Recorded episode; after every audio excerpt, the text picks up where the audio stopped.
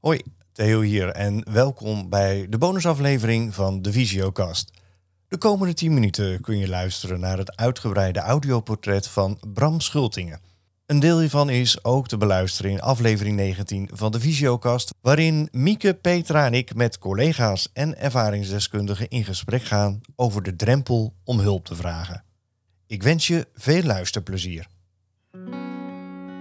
Ik ben Bram Schultingen. Ik ben 39 jaar oud. Ik woon samen met mijn vrouw in Groningen. En wij hebben een tweeling, twee jongens van inmiddels 3,5 jaar oud. Naast mijn gezin ben ik muzikant. Ik speel gitaar, piano en slagwerk. Maar waarom ik dit vertel is omdat muziek voor mij een uh, enorme grote hobby is. En ik heel veel kracht en energie haal uit het luisteren van muziek, maar ook aan het creatief bezig zijn door muziek te maken. Ik ben vanaf mijn vijfde blind. Ik zie nog een beetje licht en donker. Ik heb een hersentumor gehad. Door vochtophopingen in de hersenen en daarmee oplopende druk zijn oogzenuwen beschadigd geraakt. Tijdens een van de operaties heeft dit geleid tot dat ik eh, blind uit de narcose wakker werd de eerste die, die erachter kwamen dat ik blind was geworden, waren mijn ouders, omdat zij mij ansichtkaarten wilden laten zien van familie en uh, klasgenootjes. En dit, uh, dit kon niet, want ik zag het niet. Omdat ik zelf nog zo jong was, heb ik weinig negatieve uh, ervaringen aan mijn tijd in het ziekenhuis, maar ook in mijn tijd na het ziekenhuis, dus mijn revalidatieperiode. Als kind pak je dit toch blijkbaar heel soepeltjes op. Ik ben na thuiskomst ingestroomd op de basisschool uh, Haren. Ik heb hier een hele grondige en hele goede revalidatieperiode gehad. Daarnaast ook heel erg klassiek goed onderwijs genoten, rekenen en taal, uh, met de nadruk daarop in ieder geval. Waardoor ik mij in het latere leven best wel met een goede start heb kunnen ontwikkelen. Na mijn uh, fysio-basisschoolperiode heb ik op het regulier onderwijs gezeten in Leeuwarden, mijn uh, hometown. Ik heb daar ateneum gedaan en aansluitend ben ik gaan studeren in Groningen, al waar ik nu nog steeds woon. Ik heb rechten gestudeerd na een korte periode geschiedenis te hebben gestudeerd. Bij geschiedenis kwam ik er toch achter dat het vrij ingewikkeld werd. Ook omdat de faculteit nog niet helemaal ingesteld was op digitaal werken. En met name ook dat de bronnen die gebruikt moesten worden voor mij niet digitaal of anderszins beschikbaar waren. Dus ik ben uiteindelijk overgestapt naar rechten. Nu zul je zeggen, dit is ook een studie met heel veel leeswerk en heel veel tekst. Maar uh, hierbij is wel het voordeel dat de tekst dan ook beschikbaar is. Want het recht moet kenbaar zijn voor iedereen. Ik heb heel erg lang gedaan over mijn uh, studie rechten, meer dan tien jaar. Ik ben hierbij ook wel tegen mijn eigen grenzen aangelopen. Ik had van mezelf het idee en het beeld dat ik best wel geaccepteerd had dat ik blind was. Ik kon er heel goed over praten met andere mensen.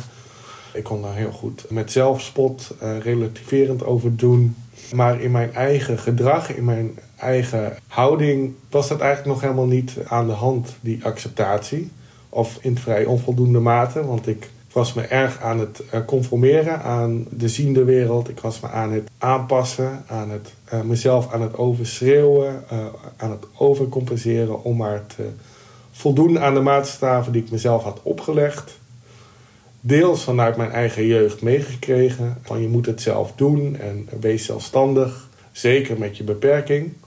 Een hele goede leerschool was dat hier ben ik na mijn studie vrij hard tegen aangelopen. Middels een, uh, nou ja, best wel een burn-out slash uh, depressie. Hoe je het ook maar wil noemen. Ik uh, ben toen aan yoga gaan doen. Het brengt je heel erg naar jezelf toe. Het dwingt je even stil te staan. Het dwingt je te luisteren naar je lijf en naar je geest. Van wat speelt hier allemaal? Welke ballast draag ik elke dag met me mee? En wat doet een dag met je? Aan, aan het eind van zijn dag, wat is is er allemaal gebeurd? En waarom? Voor wie doe je het? Dus dat zijn wel lessen die ik daarin aan yoga uh, heb overgehouden. Ik ben vrij lang op zoek geweest naar werk na mijn studie. Eerst zelf, zonder hulp van, uh, van Visio of een andere instantie. Dit is eigenlijk niet gelukt, of helemaal niet gelukt. Ik ben wel een aantal keren uitgenodigd, verschillende negatieve of iets uh, positieve ervaringen aan overgehouden. Waarvan ik jullie eentje wil uh, meegeven. Dat is het vraagstuk: meld ik in mijn sollicitatiebrief of uh, cv dat ik blind ben? Ik ben begonnen met het niet te melden. Ik dacht, misschien is het goed om dat niet te doen, want dan kunnen mensen op voorhand geen, uh, geen vooroordelen krijgen of geen, geen koudwatervrees. Ik had dat gedaan. Ik had gesolliciteerd bij Amnesty International, een mensenrechtenclub in Amsterdam, als Ruslandcoördinator. Ik had in mijn studie rechten een, uh, een focus op mensenrechten en internationaal strafrecht. Dus uh, dat kwam redelijk van pas.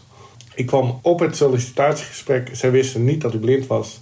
En het leverde heel erg veel ongemak en frustratie op bij mij. En ongemak bij de interviewers. Het neerzetten van de koffie, het oh jee eh, en hoezo en wat dan.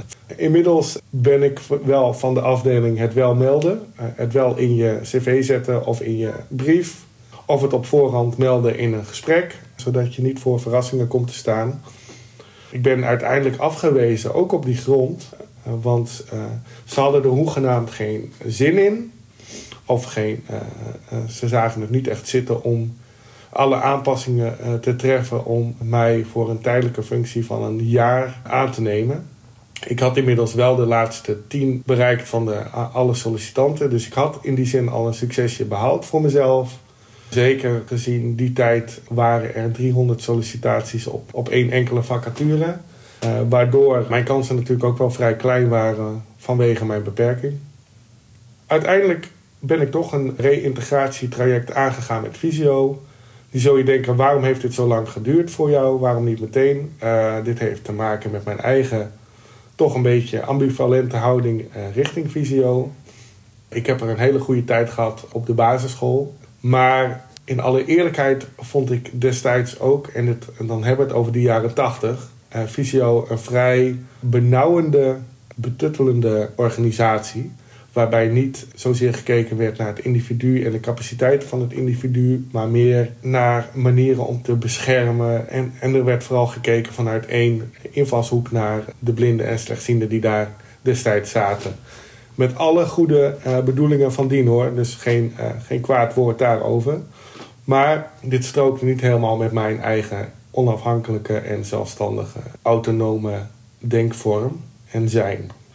Ik ben heel erg blij dat ik het reïntegratietraject met Visio ben aangegaan. Daardoor ben ik terechtgekomen bij de provincie Drenthe. Ook vanuit de provincie Drenthe was al een initiatief op gang gekomen om mensen met een arbeidsbeperking in dienst te nemen. Hierbij kwamen er dus twee sporen samen. Eén enthousiast iemand die later ook mijn teammanager werd bij de provincie Drenthe. Die zich zeer persoonlijk inzette voor het aannemen van mensen met een functiebeperking of arbeidsbeperking. En anderzijds dus het reïntegratietraject van Visio. Wat tot een uh, succes heeft geleid in mijn geval. En waar ik heel erg blij mee ben. Vanaf april 2016 werk ik voor de provincie Drenthe vier dagen in de week. Uh, dit heeft ontzettend veel voor mij betekend. De structuur, het hebben van een andere sociale familie dan je eigen uh, familie en vrienden en gezin, uh, namelijk je collega's die je elke dag ziet. Dat is toch een hele andere eigen biotoop waar je elke dag in verkeert en waar je jezelf toe moet verhouden waar je jezelf in ontwikkelt. Je spiegelt jezelf aan anderen. Je wordt geenthousiasmeerd om het beste uit jezelf te halen of om nieuwe dingen te leren over jezelf en in een team functioneren. Dus uh, dat heeft een enorm vliegwiel-effect gehad, zowel uh, op mijn persoonlijke ontwikkeling, ook als professional, maar ook als gezinsmens, als privépersoon. Ik voel mijzelf een uh, completer mens, meer meetellen in de samenleving, ook al is dat ook wel een beetje gek natuurlijk, dat je een betaalde baan moet hebben om volledig mee te tellen. Maar zo werkt het dan toch blijkbaar. Het is daarnaast ook heel erg vermoeiend. Ik vraag me dan ook wel eens af van waarom doe ik dit? Want het kost natuurlijk ook een heleboel energie. En af en toe is het nog steeds frustrerend, want je hebt hulpvragen die je moet stellen. Je aanpassingen waarmee je moet werken, die moeten onderhouden worden. Of die in het constante veranderende systeemlandschap van de overheid uh, moet het ook telkens weer aangepast worden. Dus dat zijn allemaal, allemaal eh, struggles waar je dagelijks dan mee zit. Overal ben ik een veel gelukkiger rustiger en tevreden mens eh, dan ik was. En heb ik ook nog meer geld, dus dat scheelt ook. Heb je vragen aan of opmerkingen voor Bram Schultingen? Dan mag je die mailen naar visiocast.visio.org. En dat is ook het adres voor al je andere vragen over onze podcast. Bedankt voor het luisteren en graag tot een volgende Visiocast.